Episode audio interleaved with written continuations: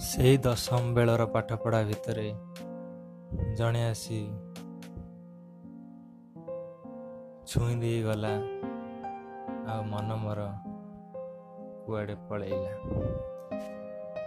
ଆଉ ପୁଣି ଦେଖାଲା ଠିକ ଛଅ ବର୍ଷ ପରେ ଆଉ ସେତେବେଳୁ ସବୁ କିଛି ବଦଳି ଯାଇଥିଲା। ଏମିତି ଏକ କାହାଣୀ।